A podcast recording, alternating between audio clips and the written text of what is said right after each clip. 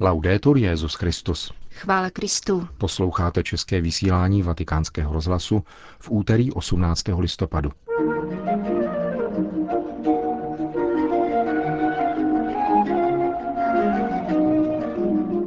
Papež František v dnešním kázání ukazoval, jak se má křesťan bránit před vlažností a skažeností. Ohromila mne víra iráckých křesťanských uprchlíků, říká vatikánský diplomat. A na závěr uslyšíte rozhovor s kardinálem Millerem o muži, ženě a rodině. Hezký poslech přejí Jan Glázer a Jana Gruberová. Zprávy vatikánského rozhlasu. Křesťan si musí dávat pozor, aby se nestal vlažným, pohodlným nebo zdánlivým, připomněl papež František v homílii při raním v kapli domu svaté Marty. Zdůraznil, že křesťané musí neustále odpovídat na Ježíšovu výzvu k obrácení, jinak se z hříšníků stanou skaženými. Obrácení je milost, boží navštívení. Papež toto téma komentoval na základě prvního liturgického čtení z knihy Zjevení a setkání Ježíše se Zachem vylíčené v dnešním evangeliu. V prvním čtení, podotkl, požaduje pán po laodicijských křesťanech obrácení, protože zvlažnili. Pěstují spiritualitu pohodlnosti a říkají si, dělám, co mohu, ale jsem klidný a nenechávám se někým rozrušit nějakými podivnostmi. Kdo takto žije, usoudil papež, myslí si, že mu nic nechybí. V neděli chodím do kostela, v denně se modlím, mám dobrý pocit, jsem v milosti boží, jsem bohatý a nic nepotřebuji. Je mi dobře. Tento duševní stav, varoval papež, je hříšný stav. Je to duchovní pohodlnost, stav hříchu. A takovému říká pán zcela bez servítků, protože jsi vlažný, vyplivnu tě z úst. Dává mu však také radu, aby se oblékl, protože spohodlnělí křesťané jsou nazí.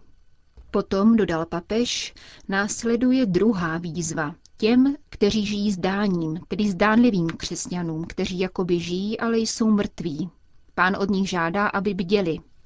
Zdání, řekl papež, je rouškou těchto mrtvých křesťanů a pán je volá k obrácení. Patřím mezi tyto křesťany, jsem živý uvnitř, mám duchovní život, vnímám Ducha Svatého, naslouchám Duchu Svatému, postupuji vpřed, anebo se mi zdá, že všechno jde dobře. Nemám si co vyčítat, mám dobrou rodinu, lidé mne nepomlouvají, nic mi nechybí, svatbu jsem měl v kostele, jsem v milosti boží, jsem v pohodě. Takové je zdání. Takoví křesťané jsou zdánliví, jsou mrtví. Je třeba hledat život uvnitř, upamatovávat se a bdít, nabít sil k cestě vpřed, obrátit se od zdání k realitě, od vlažnosti k horlivosti. Třetí výzva k obrácení se týká Zachea, vrchního celníka, velmi bohatého, jak podotýká evangelium. Byl skorumpovaný, řekl papež. Pracoval pro cizince, pro římany a zrazoval svoji vlast. Byl jako mnozí jiní vládci, které známe. Byl skažený. Takový, místo aby lidu sloužili, vykořišťují jej, aby sloužili sobě samým. Ve světě takový jsou. Lidé je nechtějí. Takovýto člověk nebyl vlažný, nebyl mrtvý, nýbrž byl ve stavu hnilobného rozkladu. Zkrátka skažený. Uvnitř však něco vnímal. Říkal si, tento prorok, který uzdravuje a o kterém říkají, že velmi dobře mluví, mě zajímá a chtěl bych jej vidět. Duch svatý je chytrý. Zasel sedbu zvědavosti a Zacheus, aby Ježíše spatřil, začne si dokonce počínat směšně. Představte si nějakého významného vládce, který je navíc skorumpovaný, ale rozhodne se vylézt na strom, aby uviděl procesí. Představte si, jak je to směšné. Zacheus, řekl dále papež, se nestyděl. Chtěl spatřit Ježíše, působil v něm duch svatý. Potom do jeho srdce vstoupilo boží slovo a s tímto slovem přišla radost. Ti pohodlní a zdánliví, zdůraznil František, zapomněli, co je radost, zatímco tento skorumpovaný člověk ji náhle zakusil. Jeho srdce se změnilo, obrací se a Zacheus hned slibuje, že vrátí čtyřnásobně to, co ukradl.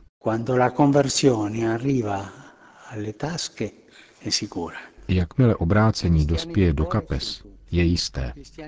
Existují křesťané, kteří jsou křesťany srdcem? Ano, to jsou všichni. Křesťané duší? Všichni. Křesťanů kapes je však nemnoho. V tomto případě však obrácení nastalo i hned. Je autentické. Zacheus se obrátil. Avšak ti, kteří nechtěli konverzi, nechtěli se obrátit, jakmile to uviděli, reptali a říkali, vešel jako host k hříšníkovi. Podle nich se Ježíš pošpinil, ztratil čistotu a musí se očistit, protože vešel do domu hříšníka. Toto jsou tři výzvy k obrácení, pokračoval papež, a Ježíš je adresuje vlažným, pohodlným, zdánlivým, těm, kdo se považují za bohaté, ale jsou ubozí, nemají nic a jsou mrtví. Boží slovo, řekl papež, je schopno změnit všechno, ale ne vždycky máme odvahu uvěřit v Boží slovo a přijmout toto slovo, které uzdravuje nitro. Církev chce, abychom v těchto posledních týdnech liturgického roku hodně a velmi vážně přemýšleli o svém obrácení, protože jedině tak budeme moci postupovat vpřed na cestě křesťanského života. Říká nám, abychom si připomínali Boží slovo, abychom se na ně opamatovávali, střežili Boží slovo, řídili se jím a začali nový, obrácený život. Vatikán. Peněžní institut městského státu Vatikán, tedy tzv. Vatikánská banka, potvrdil restituci 23 milionů euro, preventivně zablokovaných v září roku 2010 italskými úřady. Oznámilo to vatikánské tiskové středisko. Tato preventivní blokace, píše se dále v tiskovém sdělení, byla odvolána v červnu roku 2011, přičemž peněžní suma zůstala vázána v důsledku hloubkové kontroly klienta. K navrácení částky došlo nyní, protože Vatikán zavedl systém prevence a kontroly proti praní peněz uznaný komisí Manivol při Radě Evropy v prosinci loňského roku. Svatý stolec kromě toho posílil svoji spolupráci na mezinárodní úrovni a kromě Itálie uzavřel příslušné bilaterální dohody s Německem, Spojenými státy americkými a Velkou Británií. Vatikánská banka má kontakty s 35 zahraničními bankami po celém světě, jejichž prostřednictvím provádí globální peněžní transakce ve službách církevních institucí. Irák. V mediálním světě již sotva nacházejí odezvu osudy křesťanů, které tzv. islámský stát vyhnal z jejich domovů v irácké provincii Ninive. Svatý stolec prostřednictvím svých diplomatů nicméně jejich situaci trvale sleduje.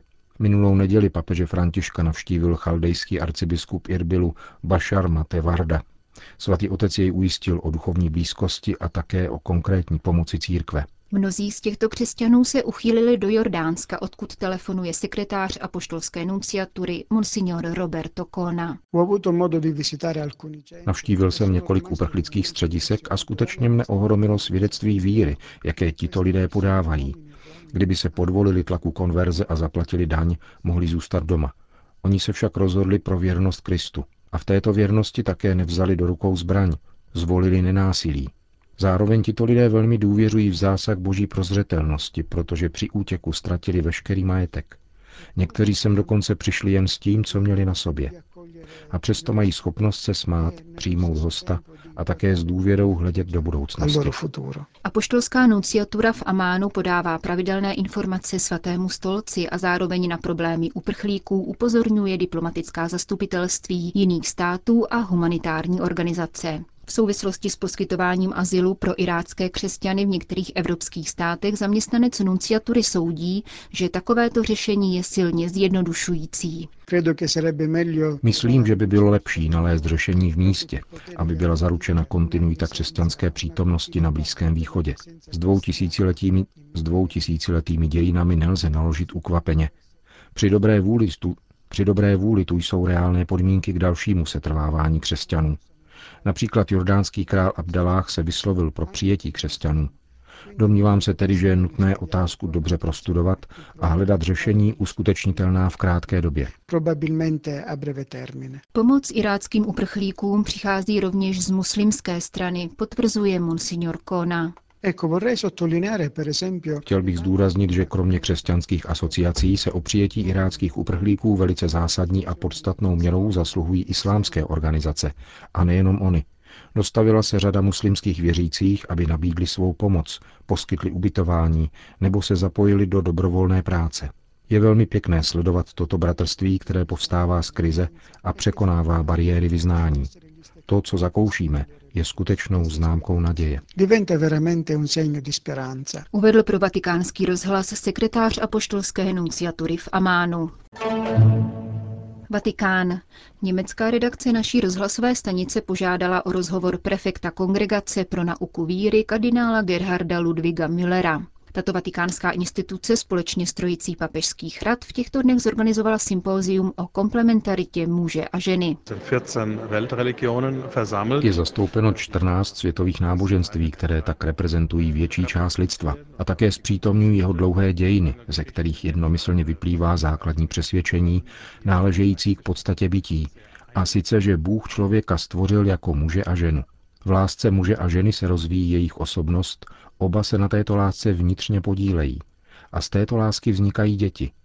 Nejenom fyzicky a biologicky, protože dítě je člověk a tedy podstatně více než zhluk svých biologických součástí a svých pocitů.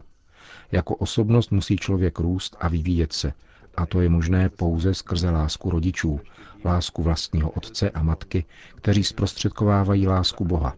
Žádná státní nebo mezinárodní organizace nemůže dítěti zajistit dobro. Mohou tu vykonat pouze podpůrnou činnost. Mezináboženské sympozium se vyslovilo k tzv. teorii genderu, která nevychází z biologicko-sexuální danosti muže a ženy, nýbrž je definuje kulturně a společensky. S příspěvkem Komplementarita versus Gender na konferenci vystoupila sestra Prudence Alenová, profesorka filozofie z Denveru a nová členka Mezinárodní teologické komise. Sestra Prudence Alenová jasně řekla, že si jako světová náboženství nedáme ukrást kladný pojem gender, který nemá pomáhat při vytváření ideologie o člověku. Tělesnost člověka a jeho sexualitu v biologickém smyslu nelze oddělit od jeho duševního uspořádání. Duše není oddělitelná od těla. Naopak spolu utvářejí nerozlučnou jednotu a je proto důležité, aby se každý člověk od počátku učil identifikaci s otcem nebo matkou k přijetí svého vlastního pohlaví, ale přijímal je ve vztahu k opačnému pohlaví.